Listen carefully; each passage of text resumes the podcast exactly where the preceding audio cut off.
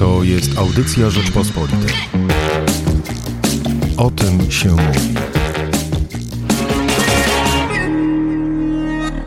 Pojutrze, ale dziś. Czy potrzebujemy nowego planu otwarcia? Gospodarka, polityka społeczna, rynek pracy, biznes i samorządy, gdy epidemia spuści to z tonu. To debata Rzeczpospolitej. Cezary Szymanek, dzień dobry. A moimi Państwa gośćmi są Jarosław Gowin, lider porozumienia, były wicepremier. Dzień dobry, panie premierze. Witam Państwa serdecznie. Z Poznania Jacek Jaśkowiak, prezydent Poznania, członek zarządu Unii Metropolii Polskich. Dzień dobry Państwu. I z gabinetu z głowami w ramkach Maciej Witucki, prezydent Konfederacji Lewiatan. Dzień dobry, panie prezydencie. Dzień dobry, witam Państwa.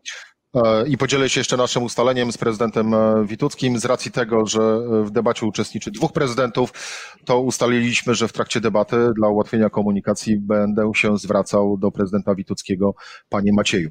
Czekamy również na Gabrielę Morawską-Stanecką, wicemarszałek Senatu. Mamy nadzieję, że w ciągu kilku minut będzie już z nami, z nami obecna. Zanim zaczniemy rozmawiać o gospodarce i o tym planie, nowym planie dla gospodarki, to krótko, panowie, panie premierze i panie prezydencie, odnieśmy się do rzeczywistości.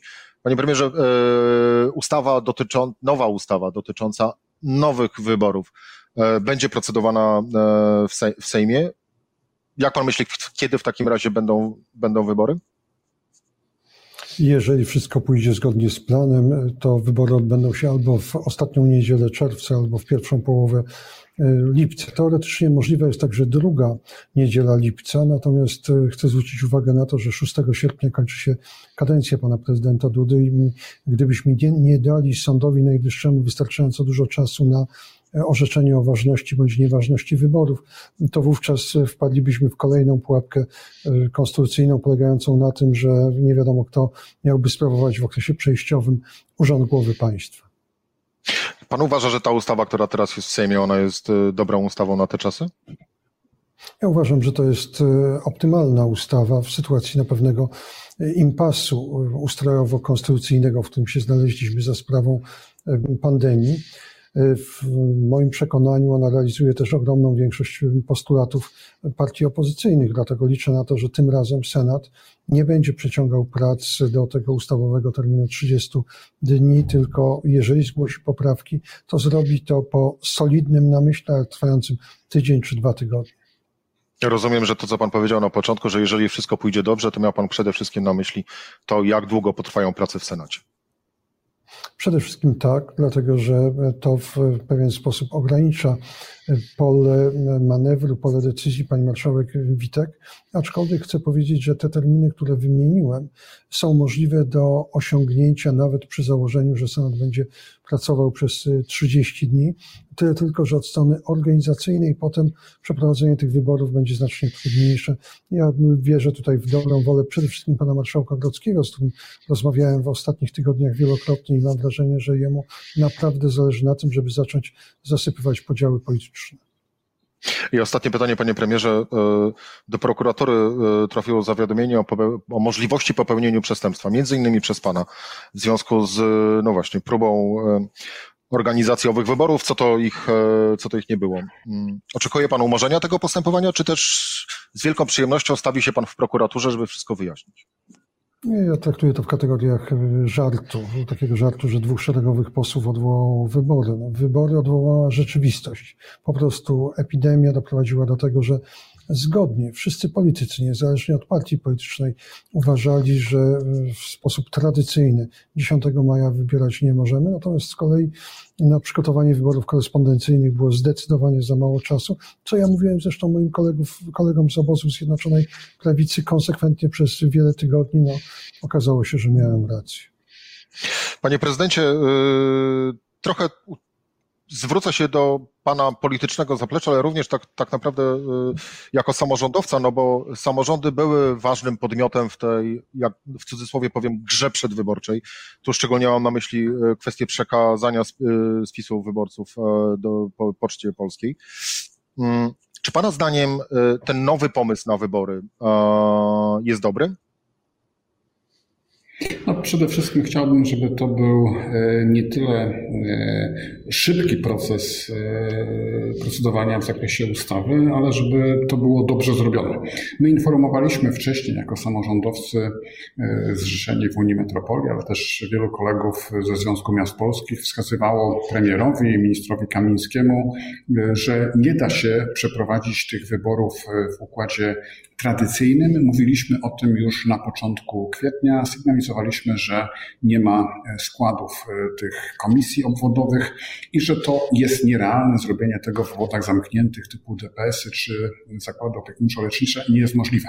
E, I tutaj absolutnie nikt nas w tym obszarze nie słuchał, a reakcja osób, które brały udział w telekonferencji, w tym ministra Kamińskiego, wskazywała na to, że rządzący nie mają pojęcia, jak wygląda faktyczna organizacja wyborów. I to był pierwszy element. Również też wskazywaliśmy na to, że y, udostępnianie spisu wyborców to nie była kwestia naszej złej woli politycznej. W tym zakresie y, mówiliśmy jednym głosem, również ci, którzy byli y, samorządowcami, którzy startowali z ramienia Prawa i Sprawiedliwości, czy popierani przez Prawo i Sprawiedliwość, sygnalizowaliśmy, że to jest sprzeczne z RODO i że tak naprawdę również nie da się tych wyborów e, w e, tym terminie e, przeprowadzić. Natomiast no, Jarosław Kaczyński czy, czy, czy, czy wicepremier Sasin próbowali tak naprawdę zaklinać rzeczywistość. Także co do odpowiedzialności za to, że te wybory nie doszły do skutku, no to, to absolutnie nie ma w tym odpowiedzialności samorządowców, bo my to zgłaszaliśmy, że to jest niemożliwe do zrobienia. Taką odpowiedzialność próbowano na nas przerzucić e, i ja na dzisiaj chciałbym, żebyśmy niezależnie od tego, czy to jest kwestia wyborów, czy to jest kwestia gospodarki, e, nie patrzyli na te kwestie dotyczące PR-u, propagandy, tylko zaczęli się tak naprawdę zajmować e, konkretami. I w mojej ocenie przeprowadzenie wyborów w dwa miesiące nie jest możliwe. Nie jest możliwe również przygotowanie tak ważnej ustawy w tak trudnych warunkach e, w ciągu kilku e, dni. I chciałbym, żeby to zostało porządnie zrobione. A co do tego, że mija kadencja e, prezydenta Dudy, no to jest to poważny problem.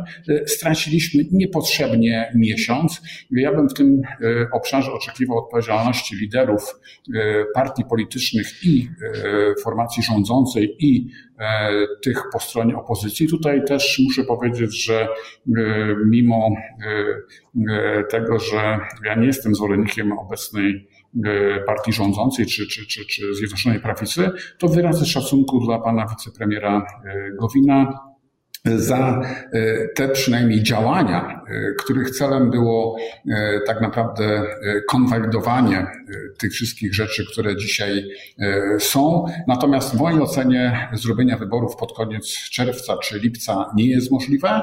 Nie jest możliwe, żeby to zrobić w sposób prawidłowy, dobry i pośpiech jest tutaj na pewno złym doradcą, tak samo jak ten pośpiech jest złym doradcą w zakresie kwestii związanych z tymi wszystkimi tarczami, czy to dla samorządów, czy przedsiębiorców.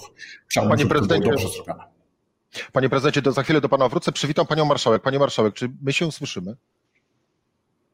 Słyszymy, znaczy pani nas mnie słyszy. O, teraz słyszymy. Gabriela Moracka-Stanecka, wicemarszałek z Senatu Wiosna. Bardzo e, serdecznie e, witamy i cieszymy się, że jest pani z nami. Za chwilę do pani wracam, bo jeszcze jedno pytanie do prezydenta Jaśkowiaka. E, w tej kwestii właśnie bieżąco politycznej. Panie prezydencie, czy Małgorzata Kidawa-Błońska powinna być nadal kandydatką na prezydenta z ramienia Platformy Obywatelskiej i Koalicji Obywatelskiej? Ja podzielam pogląd wyrażony wczoraj przez Radosława Sikorskiego, że nieodbycie się wyborów 10 maja skutkuje koniecznością tak naprawdę e, rozpoczęcia tej całej procedury od początku, e, czyli e, wyznaczenia kandydatów, zebrania podpisów i tego, co się z tym wiąże. W tym obszarze mam ten sam pogląd co Radosław Sikorski, a to już jest pytanie do liderów koalicji obywatelskiej, w szczególności e, Platformy Obywatelskiej, czyli Borysa Budki, jego zastępców, e, czy Zarządu Krajowego, e, kto powinien być kandydatem, czy powinna nim być nadal Małgorzata Kidawa-Błońska. Ja jestem e, wiceszefem regionu. Ja jestem wiceszefem e, regionu i należy spojrzeć przez pryzmat e, sondaży, które są i przez pryzmat szans. Dla mnie kluczowe znaczenie ma to, żeby prezydentem kraju został ktoś, kto będzie godnie ten urząd pełnił, kto nie będzie uzależniony politycznie od kogokolwiek, kto będzie podejmował decyzje zgodnie z polską racją stanu. I to jest dla mnie e, najważniejsze. E, w tym zakresie te elementy partyjne e, mojej przynależności do Platformy Obywatelskiej są absolutnie wtórne. Mamy dzisiaj największy kryzys państwa i jego panie, organów panie prezydencie, 30 je... lat i Panie prezydencie, jedno krótkie w takim razie pytanie. Czy jeżeli całość wystartuje od nowa, to pan znów będzie chciał zostać kandydatem na prezydenta, czy nie? Nie mam takich e, planów e, i dzisiaj e, przede wszystkim koncentruję się na pracy na rzecz Poznania, poznaniaków, na tym, żeby Poznań z tej pandemii wyszedł jak najmniej poobijany. Natomiast te wszystkie decyzje, one powinny się opierać przede wszystkim no, o to, kiedy te wybory będą zorganizowane, jaka będzie tego formuła. To jest coś, co co, co dzisiaj jest według mnie dużo ważniejsze niż to, kto będzie kandydatem e, tej czy innej formacji politycznej. Bardzo dziękuję. Jeszcze tylko komentarz pani marszałek do bieżącej rzeczywistości, zanim przejdziemy do rozmawiania o naszej e, bardzo ważnej przyszłości. Pani marszałek, pani zdaniem, widząc projekt ustawy, który jest właśnie w Sejmie, kiedy będą wybory e, prezydenckie w Polsce? No o to, kiedy będą wybory prezydenckie w Polsce, to należałoby chyba pana Jarosława Kaczyńskiego zapytać, bo myślę, że tylko on wie o tym, kiedy będą i czy w ogóle będą wybory w Polsce. Ja tutaj nawiązałabym jeszcze do tego, co powiedział pan y, premier Gowin, ponieważ nie zgodzę się tutaj z, atak, z takim, no w jakimś sensie atakiem na Senat, ponieważ proszę pamiętać, że od momentu, kiedy okazało się, Okazało się oczywiście o jeden miesiąc za późno, ponieważ Senat już na początku lutego prosił rząd o sprawozdanie na temat tego, co, co się dzieje z koronawirusem. Była Komisja Zdrowia w Senacie, na której był pan minister Pinkas. To było wtedy, kiedy pan minister kazał sobie senatorom wkładać lód w majtki. Twierdził, że absolutnie y, wszystko jest pod kontrolą i nic się nie dzieje, nic się nie będzie działo. Potem był 25 luty, kiedy na posiedzeniu plenarnym Senatu poprosiliśmy jako opozycja o to, aby przedstawił pan premier y, informacje na temat przygotowań do koronawirusa. Wówczas część senatorów PiSu wyszła z sali, część głosowała przeciw. Oczywiście krzyczano na nas dokładnie prawie tak samo jak teraz, czyli jesteśmy destrukcyjni, że wprowadzamy destabilizację, że Senat tylko cały czas rządowi naszemu najwspanialszemu sypie y, piasek w szprychy, bo nie ma żadnego koronawirusa, a nawet jakby był, to u nas on nie będzie epidemią. Wniosek został przegłosowany i 26 lutego faktycznie pan minister zdrowia przedstawił, znaczy wiceminister zdrowia przedstawił informację. Była to bardzo konstruktywna debata, jak się później okazało. I tydzień później, i tydzień później okazało się, że mamy w Polsce pierwszy przypadek koronawirusa, no a teraz jesteśmy tu, gdzie jesteśmy. Ja myślę, że e, rząd generalnie już od początku marca nie robił tego, co powinien robić, dlatego że zapaliła się mu czerwona lampka pod tytułem wybory.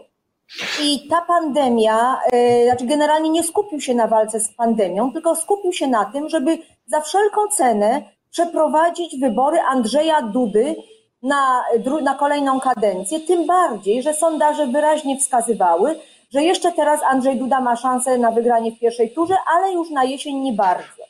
I tak Pani naprawdę, dobrze, już kończę. I tak naprawdę rządowi przyświecały przez te dwa miesiące tylko ten cel przeprowadzić za wszelką cenę wybory. Było mnóstwo konstytucyjnych y, konstytucyjnych rozwiązań, między innymi stan klęski żywiołowej, które premier Morawiecki powinien wprowadzić wtedy, kiedy w marcu, kiedy się okazało, że ta pandemia się w Polsce rozszerza. Jeżeli chodzi o pracę Senatu nad tą ustawą, Senat zrobił to, czego nie zrobił Sejm. Bo ja Sejm, pytam jak o nową, o nową ustawę, nie, ale ja, to, ja mówię, ale pan y, premier Gowin powiedział, że Senat zbyt długo przeciągał. Więc ja przypominam, że w Sejmie ta ustawa poprzednia nie była w ogóle przedmiotem obrad żadnej komisji sejmowej. Przeszła przez Sejm y, w trybie Pershinga przez cztery godziny. No to jest normalne w naszym Sejmie od 2015 roku. I Senat zrobił to wszystko, czego nie zrobił Sejm.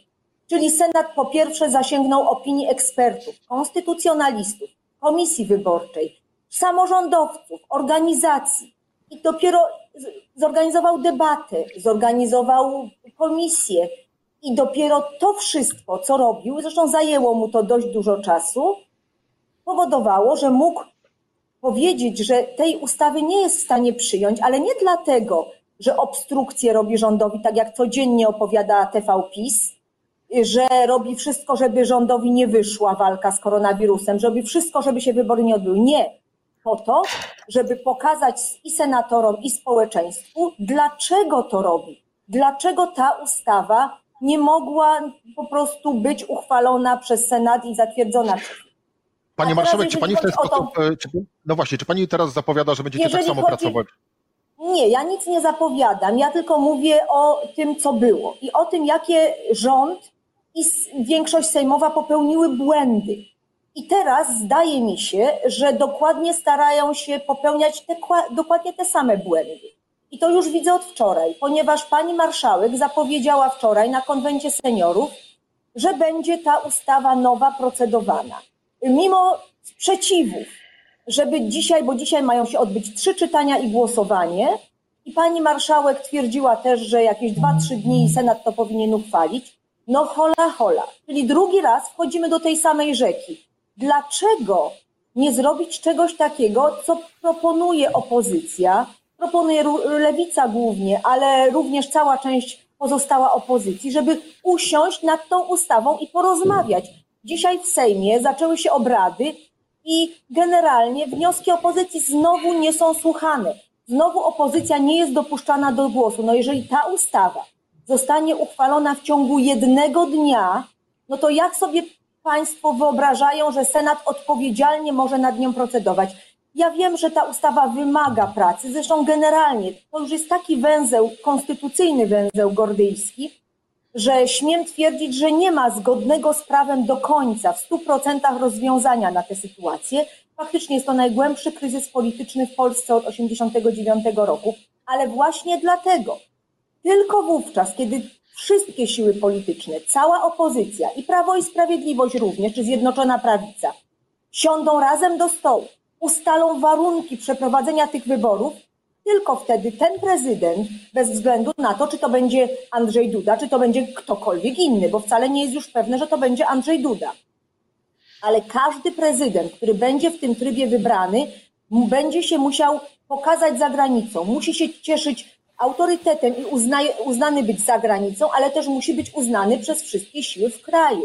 To można zrobić tylko wówczas, kiedy wreszcie Zjednoczona Prawica usiądzie z opozycją do stołu, być może do tego właśnie okrągłego stołu, i ustalimy, jakie, jakie to prawo wyborcze ma być. Ustalimy, słuch- wsłuchując się w zdanie samorządowców, bo tutaj słusznie pan prezydent Jaś Kowak powiedział, że być może tych wyborów nie da się przeprowadzić, a kto inny, jak nie samorządowcy, wie dokładnie, czy te wybory można w takim czasie przeprowadzić, czy nie. To samorządowcy są obciążeni zawsze całym procesem wyborczym. W związku z czym proszę Zjednoczoną Prawicę o słuchanie i wreszcie o pochylenie się nad tym prawem, a nie uchwalenie go znowu w ciągu kilkunastu godzin, jak wszystko od pięciu lat. No może skończmy wreszcie z tym. Ja tutaj wierzę pana premiera Gowina, ponieważ faktycznie pokazał, że y, no Jarosławowi Kaczyńskiego jednak też można się przeciwstawić, ale liczę również, że pan premier Gowin będzie namawiał cały obóz Zjednoczonej Prawicy do tego, aby z opozycją usiąść i stworzyć sensowne przez wszystkich do przyjęcia prawo, na podstawie którego wybierzemy najważniejszą osobę w państwie. Bo ja też bym chciała, żeby mój prezydent był uznawany zarówno w kraju, jak i za granicą. I tutaj stawiamy kropkę, kończymy, Szanowni Państwo, z polityką. Zostańmy przy owym okrągłym stole, ale okrągłym stole dotyczącym e, naszej przyszłości, przyszłości gospodarki, przyszłości biznesu, przyszłości ochrony zdrowia i tego, jak będziemy sobie radzić z ową epidemią.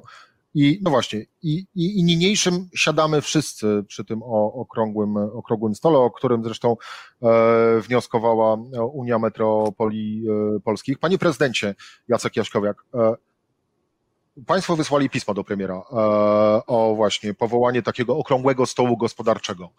E, po co wam ten stół i czy dostaliście odpowiedź? No, nie otrzymaliśmy e, odpowiedzi i e, też jesteśmy w kontakcie z przedsiębiorcami, bo e, w ramach Unii Metropolii na tym terenie, którym zarządzamy, jest milion trzysta tysięcy przedsiębiorców zarejestrowanych. Ja właśnie dzisiaj już też jestem po jednej telekonferencji z Business Center Club, tutaj takim tym lokalnym, zrzeszającym takie firmy jak Bridgestone, które zatrudniają 2000 osób.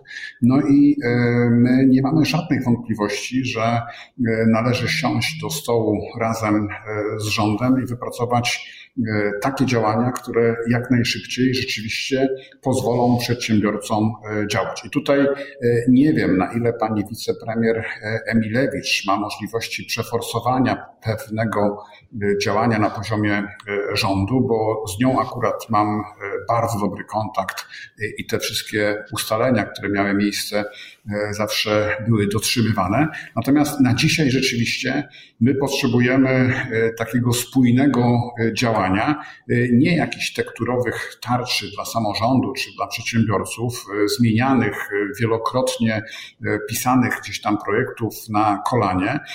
I mamy też świadomość, że no, jedyne pieniądze, które możemy otrzymać ze strony rządu, to te, które ewentualnie Narodowy Bank Polski na polecenie prezesa Kaczyńskiego wydrukuje E, przede wszystkim e, my musimy pozwolić działać przedsiębiorcom i dać im jakąś realną perspektywę w zakresie tej, tych terminów. Ja mam na myśli tych mikroprzedsiębiorców, tych najmniejszych, typu właśnie fryzjerzy czy, czy, czy też właściciele restauracji, ale w zakresie tych większych, ja też na przykład wskazywałem pani minister Emilewicz, że no nie da się pewnych E, regulacji, które wprowadził rząd, e, z dnia na dzień wprowadzić w firmach produkcyjnych, by zachować ten dystans półtora metra. Jeżeli my nie zdamy się na e, odpowiedzialność przedsiębiorców i pracowników, nie, nie zaufamy przedsiębiorcom, że oni rzeczywiście wprowadzą u nas w terenie swoich zakładów takie działania, które będą ograniczały możliwości zarażania się. Ja dzisiaj zobaczyłem, jak to zrobiła firma Bridgestone. Rozmawiałem też z szefem Volkswagena, wiem jakie tam działania zostały e, podjęte. Jeżeli my nie zaufamy obywatelom, nie zaufamy przedsiębiorcom, nie, nie, nie uwierzymy w to, że oni przecież nie chcą u siebie mieć ognisk e, tego wirusa e, i jak najszybciej nie pozwolimy im działać, to i na koniec ani rząd nie będzie miał czym dysponować, bo będą wpływy z podatków dużo mniejsze i również samorząd. My już dzisiaj widzimy, E, jak e, nawet te regulacje ostatnie przekładają się na e, płynność samorządu. Świnoujście ma dzisiaj 40% wpływów tych, które miało wcześniej, bo ta tarcza dla przedsiębiorców, która przesuwała, no my też mamy, my też mamy dużo mniej, natomiast ja byłem przedsiębiorcą przez lata, widząc co się dzieje, przede wszystkim zabezpieczyłem płynność finansową miasta i miejskich jednostek, zaciągając kredyt, którego bym w normalnych realiach nie zaciągał, 500 milionów milionów złotych. Stąd e, płynność finansowa Poznania jest e, zachowana e, i w tym zakresie my sobie poradzimy, a jednocześnie ja też wcześniej starałem się w tych spółkach, gdzie mamy swoje udziały, e, by e, odkładać pieniądze na kapitale zapasowym i teraz dzięki temu na przykład mamy możliwość takiego zabezpieczenia ciągłości tych przedsiębiorstw, bo one mają środki finansowe. I na, na dzisiaj przede wszystkim musimy jak najszybciej pozwolić działać przedsiębiorcom. Szereg działań. Ja na przykład miałem dramatyczną sytuację chociażby na targowiskach. Mamy takich targowisk 20 parę. To jest około tysiąc miejsc pracy i województwo humanitarny z datą natychmiastowej wykonalności kazał mi te wszystkie targowiska zamknąć w sytuacji, gdy kupcy zabezpieczyli tak naprawdę e, te swoje stoiska e, bardzo profesjonalnie. Usłyszałem, że jest mniejsze ryzyko zakażenia się w zamkniętym budynku, w takiej biedronce, niż na przestrzeni otwartej. Na szczęście generalny inspektor sanitarny i minister rolnictwa po dwóch dniach zareagowali i udało się tak naprawdę zachować te tysiąc miejsc pracy, plus te wszystkie miejsca pracy, które się wiążą y, z tymi, którzy dostarczają tam swoje produkty. To były kolejne tysiące miejsc pracy i przez takie y, nieracjonalne, czasami pochopne decyzje, na przykład w zakresie tych zakładów fryzjerskich, gdzie y, wielu fryzjerów już poukładało sobie w tych swoich salonach te elementy związane załóżmy z dezynfekcją rąk, z utrzymaniem trzech metrów pomiędzy fotelami. Kupili przyłbice w tych warunkach bardzo trudnych i dowiedzieli się z konferencji premiera Morawieckiego, że muszą te swoje zakłady zamknąć. Na dzisiaj przede wszystkim musimy się zdecydować na podjęcie pewnego ryzyka i to powinno być również zgrane z działaniami samorządów w zakresie otwierania żłobków, przedszkoli czy ewentualnie szkół i tych elementów, które się wiążą chociażby na przykład z zabezpieczeniem komunikacji miejskiej i tego, żeby ci pracownicy mogli docierać e, na czas e, e, do pracy. I tutaj na razie postawmy kropkę, panie prezydencie. Drugi prezydent, ale Lewiatana, Maciej, Maciej Witucki. Proszę sobie wyobrazić, że no właśnie, działamy wszyscy tak jak teraz, czyli zajmując się dniem codziennym, podejmując decyzje na, na tu i teraz i raczej lekko spóźnieni, reaktywnie podchodząc do, do rzeczywistości, a nie myśląc o tym, co się stanie, kiedy rzeczywiście gospodarka e, będzie już w pełni otwarta. Do czego nas to może doprowadzić? Do czego to może doprowadzić polski, e, polski biznes? No przede wszystkim, przede wszystkim mamy ryzyko y, spóźnienia i, i, i, takiego spóźnienia w wyścigu gospodarczym, bo pamiętajmy o tym, że my do tego wirusa powoli zaczynamy się jednak przyzwyczajać. Na szczęście wchodzimy w tej chwili już na to takie plateau, to wypłaszczenie, jeśli chodzi o, o, o, liczbę osób, y, o liczbę osób chorych i mam nadzieję, że w tym trendzie pozostaniemy. Ale, ale będziemy z tym wirusem żyli przez wiele miesięcy i tym rzeczywiście fryzjerom dość trudno jest wytłumaczyć, dlaczego oni nie mogą pracować jeszcze w tym tygodniu, a będą mogli na przykład za tydzień, e, kiedy właściwie sytuacja epidemiologiczna będzie podobna, tak jak tutaj pan prezydent wspominał, e, oni się już sami przygotowali. Myślę, że, że mamy dwie rzeczy. Jeden tak naprawdę na krótko, E, to jest kwestia e, zaufania do siebie większego. Znaczy, tak jak to już było powiedziane, przedsiębiorcy są gotowi się samoregulować. Przedsiębiorcy są w 100% świadomi, że nie mogą przestraszyć klientów i pracowników, bo oni nie będą kupowali usług, towarów i przychodzili do pracy, jeśli my się nie będziemy samoregulować. I myślę, że tu jest ważne, żeby powolutku wychodzić z tego modelu działania kryzysowego. Rząd przyzwyczaił się w ostatnich dwóch miesiącach do tego, że działa pod ogromną presją, w związku z czym działa szybko, e, działa praktycznie bez dialogu. Powiedzmy sobie to uczciwie, ten, ten dialog z przedsiębiorcami to są, to są doraźne telekonferencje, to są doraźne wideokole, to są tak naprawdę często w ostatniej chwili Rada Dialogu Społecznego dostaje dokumenty na dwie godziny przed dotarciem do Sejmu ja już nawet nie chcę mówić o tej przeszłości. Natomiast to, co jest ważne dzisiaj, to że teraz nie potrzebujemy już takiej sytuacji jak tydzień czy dziesięć dni temu, kiedy Sejm procedował dwie równoległe tarcze ze sobą niesynchronizowane. Teraz mamy, jesteśmy już na tym wypłaszczeniu. Mam nadzieję, że na nim pozostaniemy i w związku z czym e, musimy po pierwsze trochę więcej ze sobą rozmawiać, e, trochę sobie więcej zaufać. W tych procedurach wychodzenia z kryzysu słuchać więcej przedsiębiorców, bo, bo naprawdę firmom zależy na tym, żeby, żeby działać i przygotowywać się do tego wychodzenia za kilka miesięcy, bo pozostałe kraje europejskie, ja o tym mówiłem już, Konfederacja Lewiatan mówi o tym już od dawna, że te tarcze antykryzysowe w różnych krajach to nie jest tylko pomaganie krótkoterminowe, to jest budowanie też przewag na następne miesiące albo i lata. E, I to albo nosi taki charakter jakby rewolucji w świecie gospodarczym danego kraju, no albo też można powiedzieć też nawet, można ryzykować taki para nieuczciwej konkurencji, czyli dodamy więcej swoim przedsiębiorstwom no po to, żeby one się w danym kraju lepiej czuły i żeby ewentualnie te fabryki w Polsce no wystartowały na przykład już z mniejszą, e, z mniejszym obłożeniem pracą, e, czy, czy z mniejszymi zamówieniami i z tym powinniśmy z jednej strony walczyć na poziomie Brukseli. My tu jako Lewiatan bardzo pilnujemy, żeby reguły wolnego rynku były zachowane i żeby one nie były krzywione pod pozorem właśnie walki z koronawirusem. A z drugiej strony, no Polska też musi wypracować taką swoją strategię, czyli nie tylko te krótkoterminowe zadania. Dzisiaj już musimy myśleć, jak y, dać impuls gospodarce do, do rozwoju, kiedy cały świat będzie spowalniał. I tu dobry przykład, y, pan premier wspominał już kilka tygodni temu o 30 miliardach na drogi samorządowe. My w Lewiatanie uważamy, że 30 miliardów to jest bardzo dobra kwota inwestycje w rozwój polskiej gospodarki jest bardzo dobry pomysł, tylko że należy inwestować w przyszłość. Tych dróg mamy już bardzo wiele. Jeśli mamy inwestować 30 miliardów publicznych pieniędzy, to zainwestujmy je w nowe technologie, nie w wylewanie kolejnych pasków asfaltu, ale na przykład e, w retencję, w odnawialne źródła energii, po to, żebyśmy za jednym ruchem mieli i trochę więcej czystej energii, i trochę więcej wody utrzymanej, bo jesteśmy, mamy równolegle e, problem suszy, czyli żeby w taki inteligentny sposób te pieniądze już dzisiaj planować i nie robić ich właśnie takim nalotem dywanowym pod tytułem zbudujemy trochę, poprawimy trochę dróg, tylko zainwestujmy coś, co stworzy długoterminową przewagę.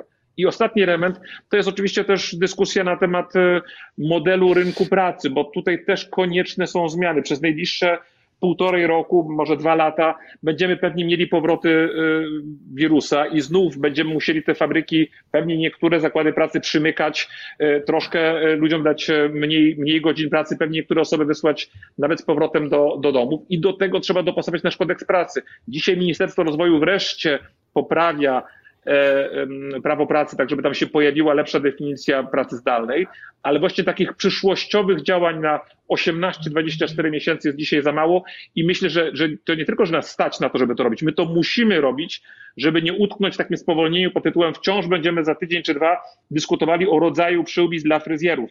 To, to, to, jest ważne, tych fryzjerów trzeba jak najszybciej otworzyć, ale pamiętajmy, że moim zdaniem w większości krajów europejskich dzisiaj gra się już toczy o te następne lata, a nie tylko następne y, tygodnie. I tu jest ważne, żebyśmy właśnie te publiczne pieniądze i publiczne decyzje podejmowali z tą wizją długoterminową.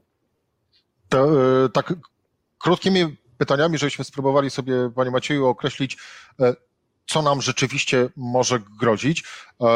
Ja będę przytaczał potencjalne skutki, a proszę je określić mało, średnio lub bardzo prawdopodobne, jeżeli nie wydarzy się to, o czym Pan właśnie przed chwilą mówił. E, długotrwała recesja gospodarcza? Pewnie tak, długotrwałe spowolnienie. W tym roku recesja. Mało średnio, mało średnio bardzo prawdopodobne? E, bardzo prawdopodobne. Nie wierzę w V, nie wierzę w literę V. To znaczy, tak jak, tak, jak nie schodzimy, tak jak nie schodzimy w dół gwałtownie, tak nie będziemy równie gwałtownie wychodzić. Kryzys na rynku pracy? E, myślę, że rynek pracy będzie, tutaj będzie rosło bezrobocie. Nie sądzę, że ono będzie rosło w sposób taki dwucyfrowy. Niestety to uderzy w rynek. E, myślę, że to jest bardziej koniec rynku, na jakiś czas koniec rynku pracownika. Nad tym powinniśmy się zastanowić. Natomiast sądzę, że, że tutaj możemy mówić o jakimś takim bezrobociu rzędu E, jed, wysokiego jednocyfrowego, czyli do 10%. To nie będzie katastrofa. Mam jeszcze bufor pracowników z Ukrainy, którzy częściowo wyjechali, częściowo pewnie pojadą pracować gdzie indziej. Natomiast dzisiaj to jest problem krótkoterminowy. To jest raczej problem, dzisiaj ręce do pracy to jest problem na najbliższe tygodnie dla, głównie dla rolnictwa. Bankructwa przedsiębiorstw? Tak, myślę, że to jest coś, co, co nam grozi i co nam grozi z przesunięciem. Tu będzie taki efekt dość perwersyjny tarczy finansowej i tych wszystkich pomocy państwowych, które się pojawiają, bo rzeczywiście dzisiaj tarcza finansowa jest bardzo takim namacalnym elementem, który zadziałał w programach e, e, pomocowych. Ona daje duże zastrzyki pieniędzy dla małych i średnich firm. Mam nadzieję, że zaraz ruszy też ten program dla, bardzo dużych. E, natomiast ta, ten, ta spowolnienie, o którym mówimy, ono jakby zaakcentuje na pewno problemy firm, które już się pojawiały przed, przed COVID-em. No a w tej chwili to, to, to będzie można żyć jeszcze kilka miesięcy na, na pieniądzach z PFR-u, na pieniądzach z gwarancji BGK-u, na gwarantowanych kredytach. Natomiast myślę, że, że właśnie wpływ na, na ilość upadających przedsiębiorstw to będzie pewnie dopiero koniec tego roku i początek przyszłego, kiedy te zastrzyki finansowe starczy się skończą. Panie Marszałek, czym Pani zdaniem e, w obliczu właśnie tej niepewnej przyszłości, tak naprawdę e, potrzebie zmierzenia się z nią, bo nie ma się co oszukiwać. Nikt za nas tej przyszłości sobie nie wymyśli.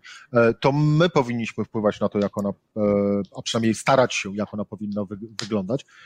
Czym w pierwszej kolejności, jakimi zmianami, jakimi potencjalnie reformami powinna zająć się klasa polityczna? Generalnie ten kryzys obnażył y, jednak nasze słabości najbardziej. Ten kryzys koronawirusowy na świecie to jest też kryzys polityki neoliberalnej. Okazuje się, że rynek i państwo nie rozwiązuje wszystkich problemów. Że problemy takie będą rozwiązane wówczas, kiedy pewne gałęzie będą pod opieką państwa. I tutaj oczywiście pierwszą, która się aż nasuwa w tej sytuacji jest służba zdrowia, czyli nakłady na służbę zdrowia i wreszcie porządna reforma służby zdrowia. Y, to jest podstawa, ale również y, reform, y, wszystkie usługi wspólne, usługi publiczne, które powinny być pod agendą państwa, czyli edukacja, czyli usługi społeczne i tutaj też był obnażony, bo to nie tylko koronawirus spowodował tą sytuację, y, jaka jest w Polsce, że tak naprawdę to największe ogniska zakażeń, ja już nie, nie będę teraz mówić o górnictwie, ale jeżeli chodzi o y, takie miejsca, gdzie największe ogniska zakażeń, to były domy pomocy społecznej. Okazało się, że te domy pomocy społecznej są zapomniane, są w katastrofalny sposób niedofinansowane dlatego że u nas ta pomoc społeczna w zasadzie została zrzucona na samorządy, bo państwo od pewnego czasu, a już na pewno od ostatnich pięciu lat, y, przesuwa w kierunku samorządów coraz więcej obowiązków, ale nie idą w ślad za tym pieniądze i te samorządy w zasadzie muszą kurczyć swoje inwestycje, żeby pewne rzeczy, żeby pewne rzeczy y, sfinansować. Także na pewno trzeba będzie pomyśleć w jak najszybszym tempie o dofinansowaniu służby zdrowia i o jej reformie, czyli znowu to, o, o co, o co stu, y, ostatnio protestowali y, i lekarze rezydenci, i pielęgniarki, czyli y, podniesienie płac w służbie zdrowia, zwiększenie ilości pielęgniarek, y, położnych, lekarzy, bo to mm. jest, jak się okazuje, podstawa i to też pokazuje mm. Niemcy, której służba zdrowia jest no, w Europie na jednym z najwyższych poziomów, o ile nie na najwyższym, i Niemcy zupełnie inaczej, zupełnie dobrze poradzili sobie y, z tą pandemią. Ale następną kwestią, którą na pewno będziemy musieli się Pani zająć. Marszałek, Panie Marszałek, tak? przepraszam, wtrącę się, wtrącę się do tego wątku a propos służby zdrowia i edukacji, bo Maciej Wituski przywołał ową e, obietnicę łamane na plan premiera Mateusza Morawieckiego o tym, że e, 30 miliardów złotych na nowe inwestycje e, w drogi. E, pani zdaniem te 30 miliardów powinno pójść właśnie na reformę służby zdrowia i W pierwszej kolejności powinno iść na reformę służby zdrowia. W pierwszej kolejności. My cały czas postulujemy dofinansowanie służby zdrowia. Proszę pamiętać, że nawet ten współczynnik, w jaki jest wpisany odnośnie procent PKB nakładów na służbę zdrowia, to on jest tak minus dwa, bo to zawsze się liczy PKB sprzed dwóch lat. I dlatego no, w ten sposób rząd oszukał rezydentów, którzy, z którymi kiedyś podpisał, y, podpisał porozumienie i obiecał określony y, wzrost nakładów na służbę zdrowia, tylko zapomniał dodać, to się później dopiero okazało, że to PKB jest liczone według y, minus dwa lata wstecz. Ale mamy poważny problem, znaczy ten problem było widać ostatnie kilka dni na Śląsku Okazało się właśnie, że mimo, że y, już 5 kwietnia w jednej z kopalń na Śląsku, kopalni Marcel, ten koronawirus się pojawił, to rząd, mimo że y, była zamrożona gospodarka i zamknięto przedsiębiorstwa różne, ale zamknięto też właśnie tych drobnych przedsiębiorców typu fryzjerzy czy kosmetyczki. A ja sama przychylę się do tego, co już było tutaj powiedziane że oni są najlepiej przygotowani do pracy w sterylnych warunkach, do zabezpieczenia tych miejsc, y, gdzie obsługują swoich klientów. Im kazano iść do domu, im ich zamknięto i jeszcze cały czas w tych domach pozostają, a nie kazano wstrzymać produkcję w kopalniach, podczas gdy w styczniu przecież rząd miał problem z nadprodukcją węgla. Ten, ta nadwyżka węgla pojechała pod Ostrołękę, została tam zmagazynowana i tak naprawdę ten węgiel na zwałach powodował, że wcale nie trzeba było narażać górników po pojawieniu się tam koronawirusa do tego, aby zjeżdżali na dół kopalni. A ja przypomnę, że w takim zakładzie pracy jak kopalnia nie jest możliwe zachowanie tych wszystkich rygorów, jakie były narzucone, bo co, jak można zachować pod ziemią w bardzo wysokiej temperaturze odległości y, między pracującymi górnikami, albo w klatce, którą się zjeżdża na dół, albo w ciasnych wagonikach, którymi od tej klatki, od tej windy pracownicy transportowani są do swojego miejsca pracy. Było jasne, że prędzej czy później kopalnie właśnie staną się ogniskiem koronawirusa, a mimo to nie zrobiono nic. Dopiero teraz y, zamknięto trzy kopalnie, wczoraj już zamknięto czwartą, ponoć do czwartku. Zobaczymy, jak to będzie wyglądało.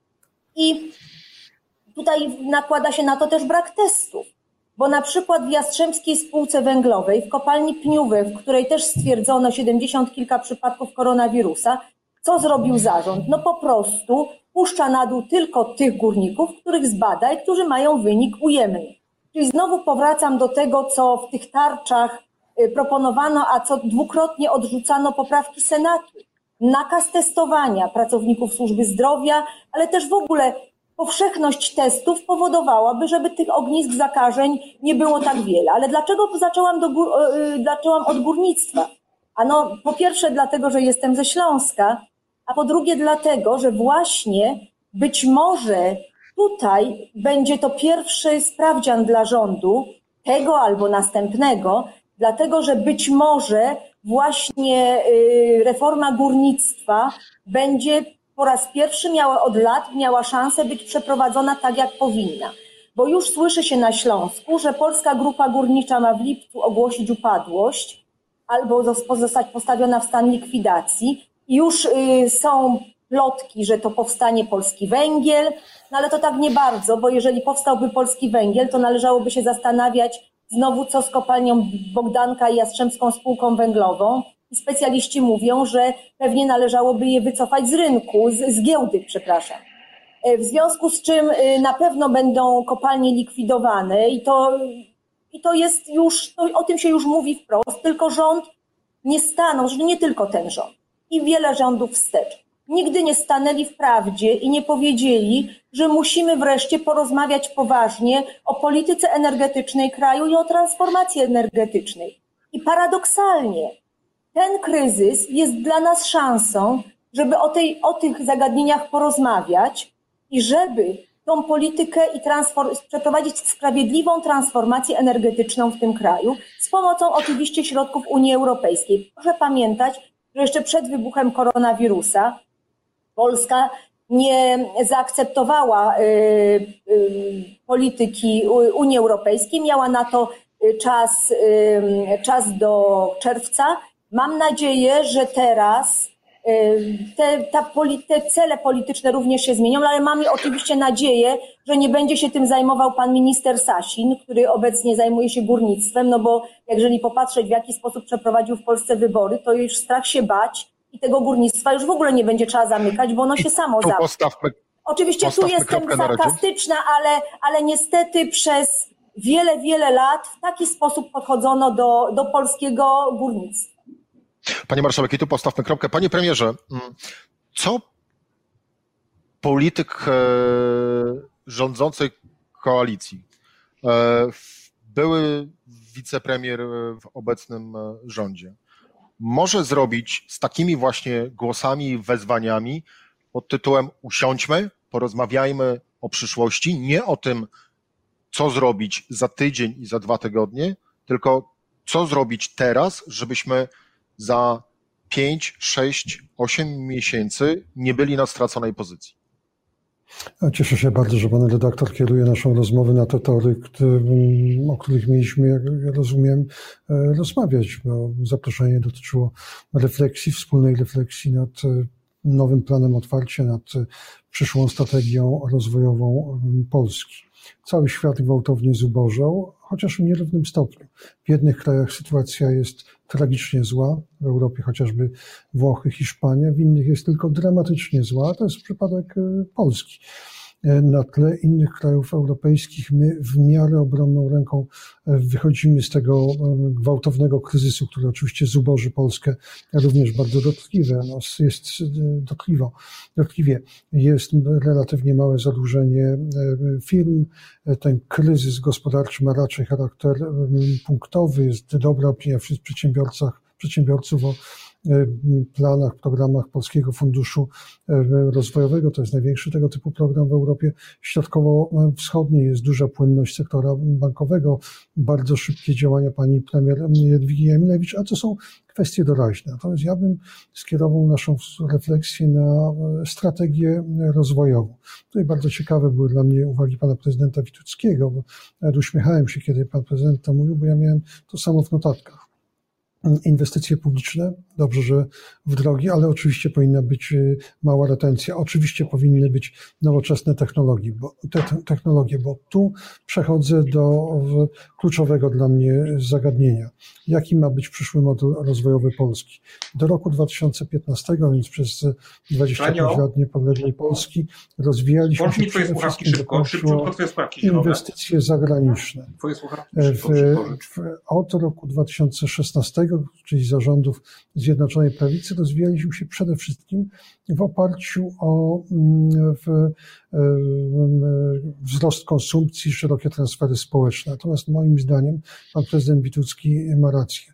W tej nowej sytuacji gospodarczej powinniśmy szukać nisz rozwojowych, powinniśmy e, szukać obszarów, w których e, będziemy mieli przewagi e, konkurencyjne i to nie może dotyczyć tylko tych branż, w których jesteśmy tradycyjnie mocni, typu przemysł budowlany, przemysł meblarski, produkcja sprzętu AGD. Tutaj się otwiera rzeczywiście duży rynek ze względu na skalę kryzysu przemysłu włoskiego. Natomiast trzeba zdefiniować też nowe potencjalne przewagi konkurencyjne. Jakie?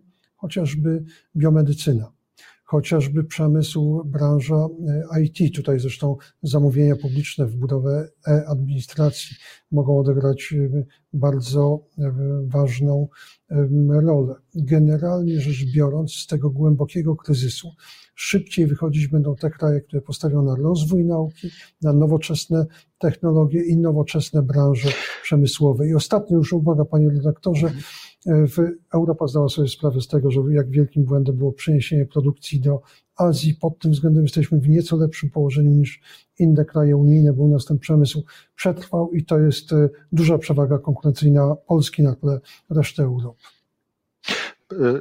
Panie premierze, ale e, bo wszystko pięknie i ładnie, natomiast e, i zanim sobie zaczniemy opisywać, co w tej dokładnie, co w tej nowej strategii powinno się, e, się znaleźć, to musimy zdecydować, a właściwie wyobrazić sobie bądź zarekomendować, kto ma ową strategię tworzyć i pisać. Tymczasem, jak słyszymy, i o tym mówił prezydent Jaśkowiak, i o tym mówił również prezydent, prezydent Witucki, tego dialogu i kontaktu no, nie ma. To jest bardzo ważna uwaga. Ja do niedawna byłem członkiem rządu, zdaję sobie sprawę z tego, w jak ogromnym tempie, pod jak ogromnym napięciem pracują moje niedawne jeszcze koleżanki i koledzy. Biorę sobie do serca uwagi pana prezydent, obu panów prezydentów. Ich szczególną uwagę chciałbym przywiązać, przy, przyłożyć do kwestii współpracy między rządem a administracją samorządową, dlatego że samorządom dzisiaj trzeba pomóc. To jest rzecz oczywista, ale samorządy to nie jest bynajmniej studnia bez dna. Przeciwnie, ja uważam, że inwestycje publiczne w samorządach mogą być jedną z głównych dźwigni rozwojowych Polski. Tutaj bardzo się cieszę z podejścia pana prezydenta, z podejścia Związku Miast Polskich, Unii Metropolii Polskich. Tak, to jest naturalny partner dla rządu Zjednoczonej Prawicy. Ja na pewno będę moje, w moich w moje koleżanki, kolegów z rządu i z całego obozu namawiał do takiego dialogu z samorządowcami i prezydent Jacek Jaśkowiak. No, przede wszystkim problemem na dzisiaj są te aspekty e, polityczne. Mieliśmy e, wybory parlamentarne, piątka Kaczyńskiego, Poznań kosztowała około 200 milionów e, złotych, bo to się te obietnice realizowało naszym kosztem. I na dzisiaj również te wybory, które się w tle odbywają, czy może się odbędą, również tutaj się spodziewam bardziej politycznych takich działań propagandowych, PR-owych, typu, że dofinansujemy urlopy każdemu pracownikowi i to będzie pomoc, którą bardziej skieruje się właśnie w tym obszarze PR-owym, a nie tym, którego potrzebuje gospodarka czy samorząd. Samorządy również w tej chwili dzięki środkom unijnym mogą realizować szereg inwestycji i nasz front inwestycyjny w tym roku to jest miliard dwieście. Jeżeli będziemy pozbawieni e, środków, aż nawet nie liczę na to, że coś dostaniemy, ale będziemy dalej środków i będą nam wyznaczane kolejne zadania, to oczywiście to się odbędzie kosztem tych inwestycji, którego bym oczekiwał, żebyśmy mogli też wspierać lokalnych przedsiębiorców, żeby w tym zakresie poluzować nam e, pewne obostrzenia wynikające e, chociażby na przykład z tego, że, że możemy w większym, czy moglibyśmy w większym stopniu korzystać z lokalnych dostawców czy przedsiębiorców, żeby ten rynek lokalny w większym stopniu chronić. I to jest nam na pewno bardzo potrzebne. Te luzowania obostrzeń, czyli to, żebyśmy się mogli w większym stopniu zadłużyć, ja jestem gotów, tylko oczekuję po drugiej stronie e, stabilizacji, po drugiej stronie oczekuję też wiarygodnych działań rządu, byśmy też nie byli zaskakiwani, e, tak jak zresztą przedsiębiorcy, e, że ja na przykład w piątek dowiaduję się, że w poniedziałek mogę otwierać przedszkola czy żłobki, żeby tutaj z jakimś wyprzedzeniem nas informować i rzeczywiście nie tylko robić telekonferencje z samorządowcami czy z przedsiębiorcami dla celów PR-owych, żeby na drugi dzień na, na konferencji premiera powiedzieć, że to było konsultowane czy uzgodnione z samorządami czy z przedsiębiorcami. Taki rzeczywisty dialog na dzisiaj w naszym wspólnym interesie jest działanie na rzecz państwa, na rzecz Polski, na rzecz przedsiębiorców i ten kryzys, pandemia zmiecie z powierzchni ziemi wiele rządów i wiele e, przedsiębiorstw, ale na gruzach tych przedsiębiorstw mogą powstać też e, inni. Ja mam dosyć tutaj duży dystans czy sceptycyzm do takich zapowiedzi, że my w nowe technologie, bo o tym się mówiło, przecież premier Morawiecki też te samochody elektryczne chciał produkować i tak dalej. Ja bym tutaj odchodził od tych elementów e, takich PR-owych e, i wierzę w polskich przedsiębiorców, którzy w 90 latach bez kapitału, bez know-how e, potrafili zakładać przedsiębiorstwa, które dzisiaj, e, tak jak Solaris, tak jak Amica, potrafią sobie świetnie radzić na rynku światowym. Allegro, tutaj poznańskie, to są wszystko te przykłady sukcesów firm też i rodzinnych e, i dajmy przedsiębiorcom już tak naprawdę e, możliwość wpadania na dobre pomysły biznesowe, na realizację tych pomysłów biznesowych. Rzeczywiście też jestem przeciwnikiem takiego limitowania naszych tych wydatków do na przykład dróg, bo akurat nie one są najbardziej potrzebne. My tutaj na miejscu wiemy, co, jak inwestować w retencję. Ja sam przed tym kryzysem pandemii miałem pomysł i już właściwie dosyć daleko zaawansowane prace by przeznaczyć miliard dwieście na retencję, e, na łapanie tej wody e, i, i, to jest też e, istotne. Także tutaj na pewno taka rzeczywista rozmowa z nami słuchanie tego, co my mówimy, tego w stach politycznych, ale też jakieś odejście od takich politycznych interesów tej czy innej formacji. Przecież wielkie miasta na dzisiaj, te 12 dzięki środkom Unii może naprawdę bardzo dużym stopniem wpłynąć na rynek pracy, realizując inwestycje, które byśmy mogli realizować. E, również przedsiębiorcy, ci duzi, tacy możliwość działania, e, odważmy się na zniesienie pewnych restrykcji, zaufajmy obywatelom, zaufajmy samorządom i rozwiążemy te problemy. Rzeczywiście e, zaczęliśmy od kwestii wyborów. One bardzo negatywnie dzisiaj wpływają na działania e, rządu. To widać po wypowiedziach premiera, to widać w tej chwili pan premier Gowin na pewno jeszcze lepiej sobie z tego zdaje sprawę. Ja nie zazdroszczę tutaj i nie zamieniłbym się z panem panem premierem na, e, na to, co pan robi i to, co ja akurat robię w tej chwili. Także e, nie jest łatwo, ale no, razem możemy rzeczywiście z tego wyjść. Przedsiębiorcy, samorządy, rząd, tylko współdziałajmy. E, to szanując kolejność zgłoszeń, Maciej Witucki, później pani marszałek i później pan premier. Maciej Witucki. który ma niestety problemy, więc głos przechodzi na panią marszałek chciałam zwrócić uwagę na bardzo podstawową kwestię, ponieważ o wielu tych wypowiedziach panów, szczególnie pana Wituckiego i pana prezydenta Jaśkowiaka padały, padało sformułowanie fundusze unijne.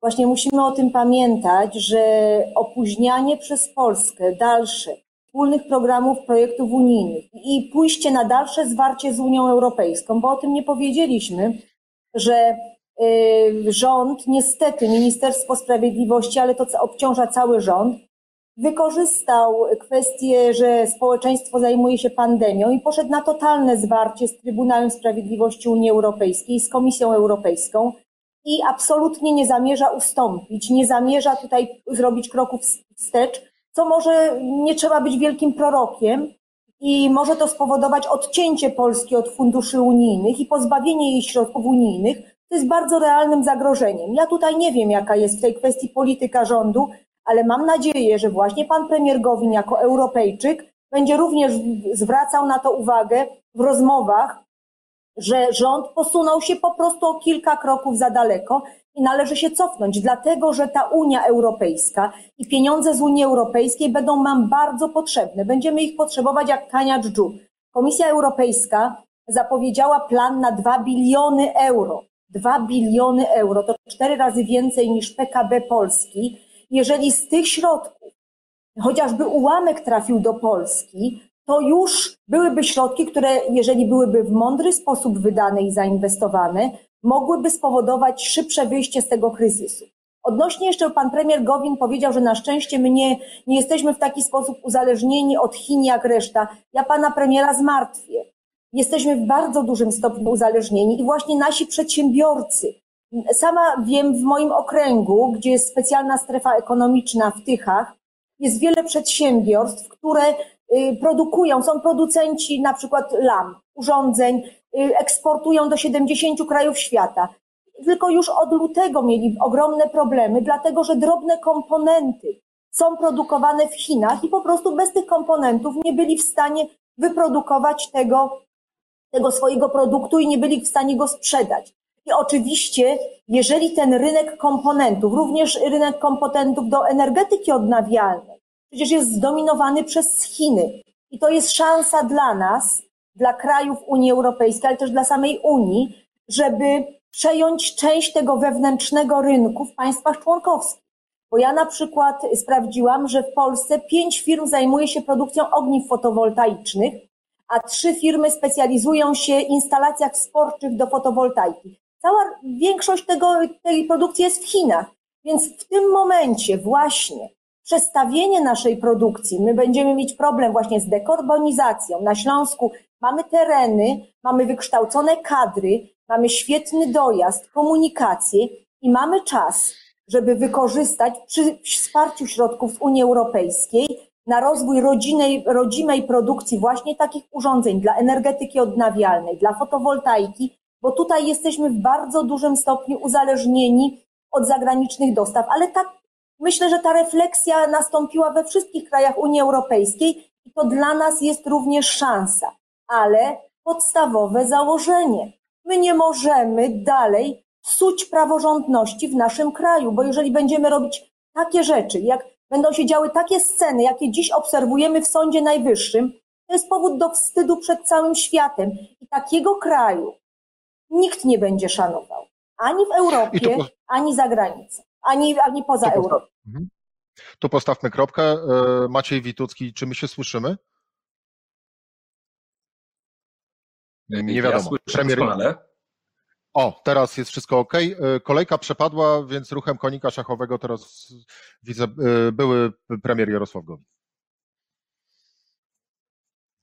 Stanecka formułowała swoje uwagi w tonie polemicznym e, do mojego. Mówię o tym aspekcie gospodarczym, bo e, nie chciałbym, żebyśmy rozmawiali o wszystkim, i o sprawach społecznych, i o sprawach wymiaru e, sprawiedliwości. Ja zwracałem uwagę na to, że rzeczywiście Polska i cała Unia Europejska musi przemodelować model, musi przemodelować swoją gospodarkę, odbudować produkcję. To dotyczy nie tylko energetyki odnawialnej, to dotyczy na przykład produkcji leków. No, cząstki aktywne są produkowane w zasadzie wyłącznie w Chinach i w Indiach i okazało się, że przy nawet błahszych kryzysach niż koronawirus, produkcja leków w Europie i dostawy leków do pacjentów są zagrożone. I to jest jeden, jeden, jeden z przykładów szans dla polskiej gospodarki. Zgadzam się też z panem prezydentem Mieszkowiakiem. Uważam, że przede wszystkim trzeba stawiać na prywatną przedsiębiorczość, na aktywność, energię, kreatywność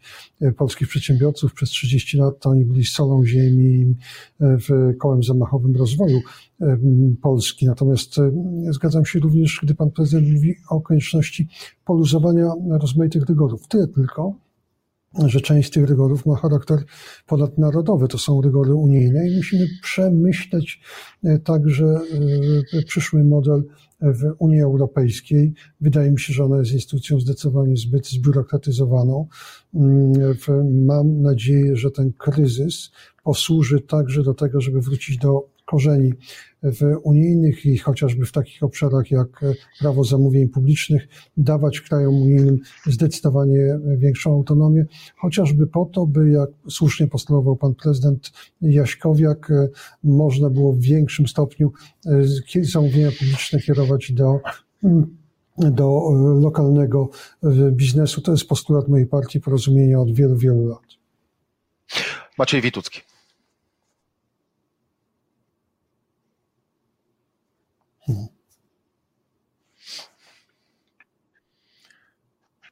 Maciej Witucki, słyszymy się? Mam nadzieję, że już mnie słychać z powrotem.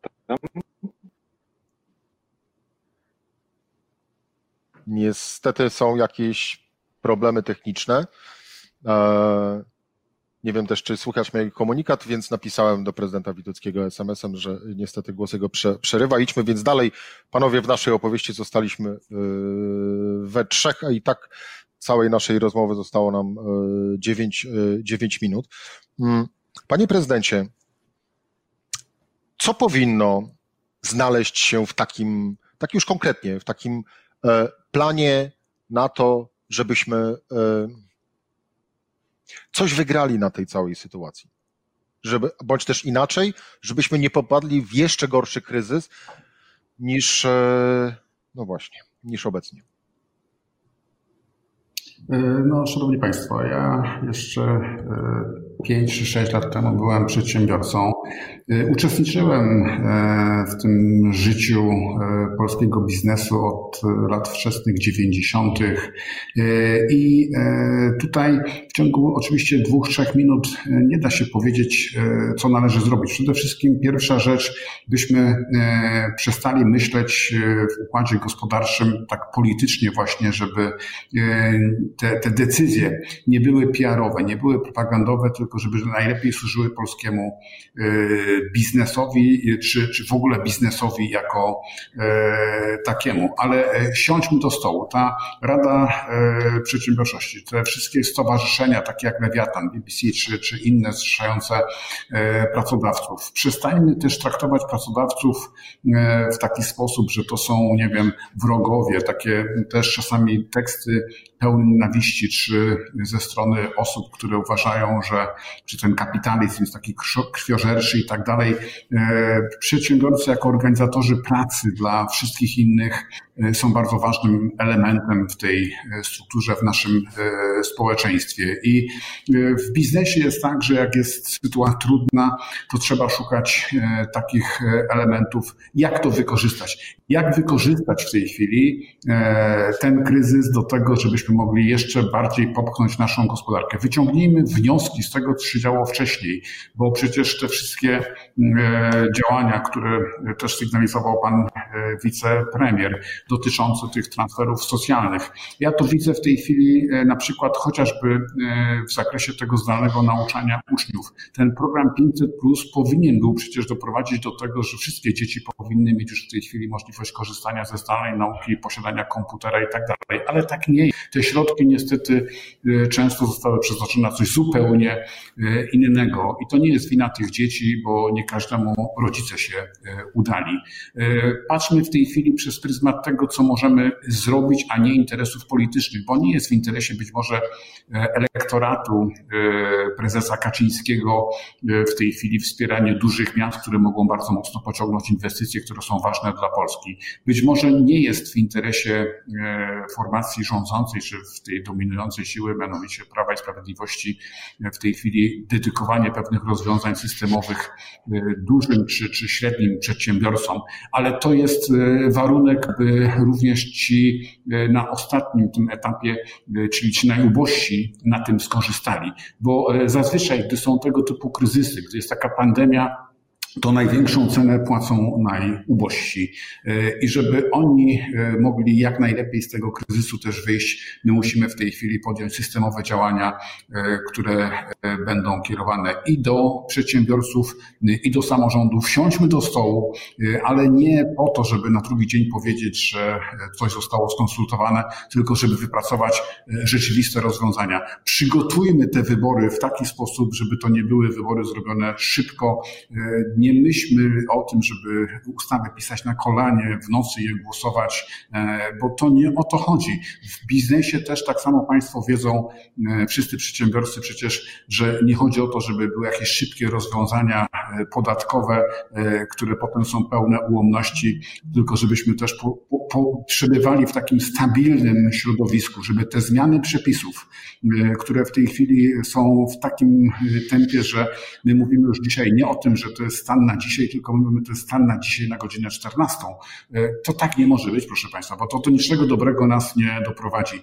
Biznes potrzebuje też e, pewnej stabilizacji takiej e, politycznej, a inwestycje zagraniczne w Polsce, w miastach zależą również od takiej stabilizacji politycznej i od rozsądku w działaniach rządu. To też nie może być walka na 20 frontach z Unią Europejską, ze wszystkimi, z przedsiębiorcami, z samorządami. Przecież my dzisiaj w tej telewizji publicznej jako samorządowcy jesteśmy przedstawiani jako ci, którzy, e, którzy nie pozwolili zrobić wyborów. To jest kłamstwo. Tak nie może e, być. I tutaj e, ogarnijmy się, wyciągnijmy, weźmy lekcje z tego, co się w tej chwili stało.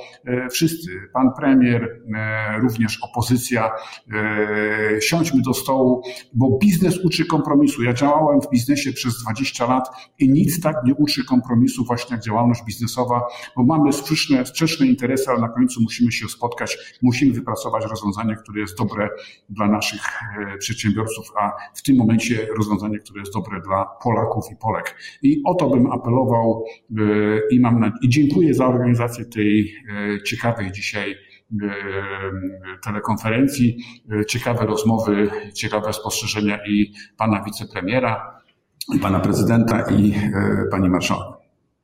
No właśnie, a propos Pani Marszałek, e, jestem Państwu winien w jej imieniu e, podziękowania i przeprosiny, że już musiała e, pobiec dalej konwent seniorów, bo o 15 Senat. Maciej Witucki. Spróbujemy raz jeszcze. Czy teraz się słyszymy? Mam nadzieję, czy teraz, czy teraz, jest, czy teraz jest dobrze? Czy nadal mnie nie słychać? Słychać. Bardzo proszę. Dobrze. To ja to ja bardzo dziękuję panu prezydentowi Jaśkowiakowi, bo świetnie przedstawił. Ja słyszałem państwa cały czas, ale technologia mnie, mnie przerywała za reprezentowanie pracodawców. Ja mogę tylko dodać, właściwie podkreślić to samo, że, że, że czas dzisiaj jest i, i być może to jest naiwność, ale, ale spróbujmy w tej naiwności przez chwilę pożyć do tego, żeby, żeby usiąść razem i pomyśleć o tym planie długoterminowym. Bo ja wiem, że my od dziesiątek lat już tak naprawdę w Polsce mówimy o deregulacji, o innowacji, o o rozwoju gospodarki. Natomiast być może ten okres po wirusie, teraz kiedy te nadzwyczajne środki zostały z jednej strony wprowadzone, z drugiej strony jednak nadzwyczajnie gospodarka polska po raz pierwszy, tak na, po tych 30 latach rozwoju prawie nieustającego, została mocno uderzona. Teraz jest tak, żeby razem usiąść. Rzeczywiście ta ręka jest stuprownięta ze strony środowisk pracodawców, e, również ze strony e, środowisk samorządów. Razem podpisaliśmy przecież tą odezwę Rady Przedsiębiorczości i Unii Metropolii właśnie po to, żeby takie okrągłe stoły stworzyć. Myślę, że dzisiaj też mamy trochę inny czas niż dwa, trzy tygodnie temu, bo jeszcze raz odpada już ten element takiego stanu nadzwyczajnego napięcia.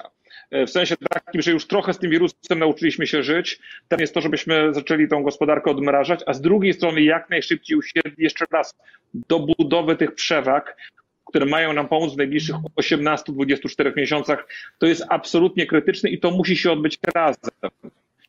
I dzisiaj, kiedy już mamy czas, kiedy nie musimy właściwać codziennie nocy na to, żeby, żeby te dokumenty dyskutować w otwarty sposób, nie mieć tych, tych e, e, tak zwanych konsultacji na kilka godzin przed wprowadzeniem, tylko rzeczywiście usiąść razem i, i, i wypracować jeszcze raz te, te krótkoterminowe działania, one zostaną, no już się przygotowują, to odmrażanie kolejnych branży. Natomiast krytyczne jest to, żebyśmy z tego kryzysu nie wychodzili za długo, żebyśmy dzisiaj, gubiąc się w szczegółach, nie zgubili tego większego elementu, którym jest znalezienie przewag na, na 18-24 miesiące i tutaj my jako Lewiatan bardzo promujemy jednak ten zielony impuls, czyli taką rozsądną ekologię i rozsądną nowe, no, rozsądne nowe źródła energii, jako taką przewagę technologiczną dla Polski, dla tych przedsiębiorców, o których pan prezydent mówił.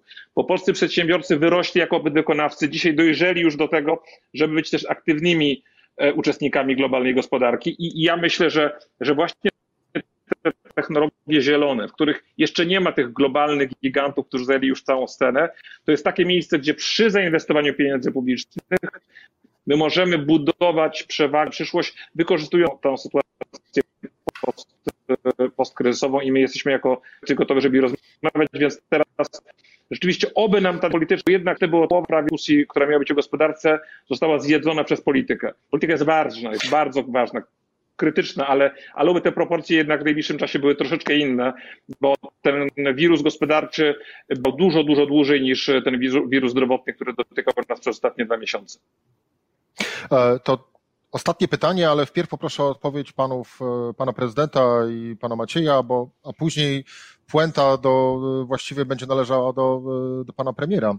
Bo tak sobie myślę, że panie premierze, no właśnie, z racji tego, że jest pan już byłym wicepremierem, no to ma pan trochę więcej czasu. To może pan jest tą idealną osobą, która mogłaby zorganizować taki okrągły stół gospodarczy, e, pozbierać wszystkich razem, e, którzy by stworzyli właśnie takowy plan nowego otwarcia. Czy panowie z kolei, e, pan, panie prezydencie, pan by wziął udział w takim przedsięwzięciu? Ja oczywiście jak najbardziej tak, z wielką przyjemnością i niezależnie od tego, czy tutaj tym organizatorem byłby pan wicepremier Gowin, czy pani wicepremier Emilewicz, ja jestem zawsze gotów wsiąść do stołu. Tak jak pokazaliśmy w Wielkopolsce, to współpracę z wojewodą, tak naprawdę ona była wzorcowa, chociaż ja jestem z Platformy, a pan wojewoda z PiSu. Y, to jest naprawdę nasza racja stanu na dzisiaj. My możemy y, z tej pandemii wyjść zwycięsko, natomiast musimy współdziałać, y, musimy wykazać się też solidarnością, taką prawdziwą, jak tutaj ta w Poznaniu, gdzie przedsiębiorcy wsparli ten szpital zakaźny kwotą 10 milionów złotych i to tak właściwie po moich kilku telefonach. Jestem jak najbardziej za tym i w towarzystwie y, pracodawców Lewiatana, też Rady Przedsiębiorczości i to jest po prostu bardzo potrzebne. Jeszcze gdyby patronat dało, dała Rzeczpospolita e, i tak naprawdę też e, dałaby dobry komunikat, e, to też byłoby to dobre dla przedsiębiorców, bo przez lata socjalizmu przedstawiani jako badylarze, jako nie wiem kto, potem w tych okresach lat 90. również te wypowiedzi czasami, że jak ktoś ma, to skądś ma, to też jest potrzebne, żeby tak naprawdę pracodawcy y, byli postrzegani jako ważny y, element naszego społeczeństwa, jako organizator pracy, a nie jako krwiopijcy y, pokazywani w Bentleyach właśnie, czy na jakichś jachtach luksusowych. Tak? I to, to, to też jest potrzebne. Panie prezydencie, Rzeczpospolita jest jak najbardziej na co dzień z przedsiębiorcami i samorządami, więc tutaj nawet nie trzeba pytać o nasz, e, o nasz udział. E, Maciej Witucki, czy premier Gowin powinien właśnie wziąć się za zorganizowanie takiego okrągłego stołu? Że tak znajdę i szykuję robotę panu byłemu e, premierowi? Będzie, będzie gotowa przygotować rzeczywiście to spotkanie i właśnie w takim szerokim wymiarze, bo, bo krytyczne jest to, żebyśmy wyszli z tego modelu, ja to będę powtarzał, z tego modelu takich bardzo akcja, reakcja pod tytułem e, wrzucane, że te, te nieszczęsne tarcze, one są taką zbieraniną resortowych pomysłów, które dzisiaj wiele z nich pod przykrywką pomagania, czy one mają, te tarcze mają pomagać, ale, ale w środku przesuwane są rzeczy, których e, których urzędnicy nie mogli przez ostatnie lata wpisać w polski ustrój są wpisywane w przypadku, to się pomaga, pojawiają notki pod przykrywką pomagania przecą. Mamy te rozwiązania, które polskie firmy, które mogą, gdyby one przeszły w tym modelu, który dzisiaj jest zapisany, to one skutecznie ochronią Polskę przed e, e, inwestycjami zagranicznymi, których my potrzebujemy jak kania drzew, w związku z czym to rozwiązania, które wyraźnie, takie rozwiązania pokazują wyraźnie, że mamy teraz deficyt dialogu i że naprawdę musimy wyjść z tego modelu zarządzania awaryjnego, jeśli chcemy pójść dalej, jeśli chcemy zostać w ogonie za innymi krajami europejskimi, my to widzimy, a tam na poziomie brukselskim toczą się dzisiaj dyskusje nie o przyszłym tygodniu, tylko o przyszłym roku. E, my, e, my, my dzisiaj na przykład e, apelowaliśmy jako przedsiębiorczości o, o, o spowolnienie czy odroczenie tych dyrektyw europejskich, które w najbliższym czasie miały ograniczyć nasze firmy transportowe chociażby. Więc tu, tu jest potrzebny aktywny lobbying na najbliższych nawet kilka lat. I ten aktywny lobbying będzie tylko wtedy możliwy. Wyjdziemy z tego modelu, gdzie żał sam, bo wciąż paliły mu się nowe ogniska, e, bo, bo, bo szpitale, bo maski, bo, bo stroje ochronne. Dzisiaj, żeby stworzyć tą lepszą wartość, żeby wykorzystać ten kryzys ewentualnie do zdobycia przewag, możemy to zrobić tylko razem. I ja wiem, że to jest trudne, bo wiem, ile energii zajmuje e, ten, ten, ten świat polityczny, to widać nawet z naszej, e, z naszej pozycji. Natomiast jeśli myślimy o tym, żeby po pierwsze wyjść w miarę obronną ręką, bo, bo ja nie sądzę, że, że ten kryzys będzie sukcesem. Niestety straciliśmy ten impet gospodarczy i niestety będziemy go jeszcze e, nadrabiali, ale żeby te szkody były jak najmniejsze. Przy okazji, żebyśmy jeszcze trochę ugrali dla polskiej przedsiębiorczości, dla polskich miejsc pracy, e, to rzeczywiście e, organizacja takiego, takiego spotkania z błogosławieństwem rządu, bo to musi być najwyższe błogosławieństwo. To, to, to jakby byśmy już próbowali różnych inicjatyw telskich przedsiębiorcami, niż z ale my jest w pewnym sensie skazani na rząd i w związku z powyższym to musi być, musi być zrobione z Rzymi, no i musi być zrobione w uczciwym dialogu, po to, żebyśmy sobie zaufali, że, że, że drafty tych tarczy się pojawiać w internecie. Cóż z tego, jeśli skrytykujemy złe rozwiązania, znaczy złe rozwiązania nie wejdą, to będzie dobry ruch dla, dla przedsiębiorca, dla ratowania miejsc pracy, więc trochę ufania i na pewno takie spotkanie pod światłym patronatem medialnym Rzeczpospolitej, w końcu produkt placement uprawiać e, bardzo chętnie, także panie, jesteśmy gotowi. Panie premierze, robota jest, mówiąc kolokwialnie. Mm. Bardzo dziękuję panu redaktorowi Szymankowi za troskę o to, żebym się nie nudził, ale myślę, że pan prezydent Witucki ma rację, że tutaj jednak naturalnym partnerem dla środowisk samorządowych i przede wszystkim dla gospodarczych powinna być osoba, która na bieżąco ma kompetencje do podejmowania decyzji w tych dwóch obszarach, czyli przede wszystkim pani premier Emilewicz. Ja na pewno będę ją wspierał, znaczy wspieram ją przez cały czas, nawet w przyszłym tygodniu mamy się spotkać z, no pewnie też w formie telekonferencji ze środowiskiem samorządowców. Natomiast kończąc już tę e, debatę, chcę zwrócić uwagę na jeden aspekt, o którym nie rozmawialiśmy do tej pory. Ten kryzys jest szansą na to, żeby zacząć w Polsce, także na świecie, ale zwłaszcza w Polsce, to jest deficyt, uprawiać politykę opartą o wiedzę, o ekspertyzę, o współpracę z naukowcami. Dzisiaj jest tak, że na całym świecie oczekuje się przemyślanej interwencji państwa w gospodarkę. I ta interwencja jest niewątpliwie potrzebna, ale już teraz powinniśmy myśleć, przygotowywać ekspertyzy, przygotowywać strategie na to, żeby to państwo z gospodarki w odpowiednim momencie wycofywać, dlatego że e, gospodarka to jest przede wszystkim domena prywatnej przedsiębiorczości i wolnego rynku. Ale panie premierze, takim, e, e, przepraszam, że tak wchodziłem trochę w pana buty, ale z drugiej strony e, i jak najbardziej rozumiem argumenty Macieja Wituckiego, że potrzebny do tego wszystkiego jest, jest rząd, ale z drugiej strony taki dobry duch i mąż opatrznościowy tego rozwiązania, rozwiązania e, w pana, w pana osobie na samym początku, skoro jak e, prezydent Jaśkowiak mówił, do tej pory nie było jeszcze odpowiedzi i odzewu na e, prośbę Unii Metropolii Polskich dotyczącej organizacji Okrągłego Stołu Gospodarczego, no to taki właśnie przydałby się w pana osobie. Jestem do dyspozycji zarówno Rzeczpospolitej, jak i środowisk samorządowych i gospodarczych, niezależnie od tego, że dzisiaj jestem szeregowym posłem, co też bywa zajęciem bardzo czasochłonnym i bardzo momentami nawet powiedziałbym ekscytującym, to cokolwiek będę w stanie zrobić dobrego dla polskiej gospodarki, dla polskiego samorządu, dla rozwoju naszego kraju, na pewno możecie Państwo być pewni, że będę aktywny. Pan wie lepiej to od nas, że szeregowi posłowie w Polsce czasami mogą o wiele, wiele więcej niż każdy inny. E, szanowni Państwo, bardzo, bardzo dziękuję. E, Jarosław Gowin, lider porozumienia, były wicepremier. Dziękuję. Jacek Jaśkowiak, prezydent Poznania, członek zarządu Unii Metropolii Polskich i Maciej Witucki, prezydent Konfederacji e, Lewiatan. Szanowni Państwo, to była debata Rzeczpospolitej. Cezary Szymanek, dziękuję bardzo. To była audycja Rzeczpospolitej. O tym się mówi.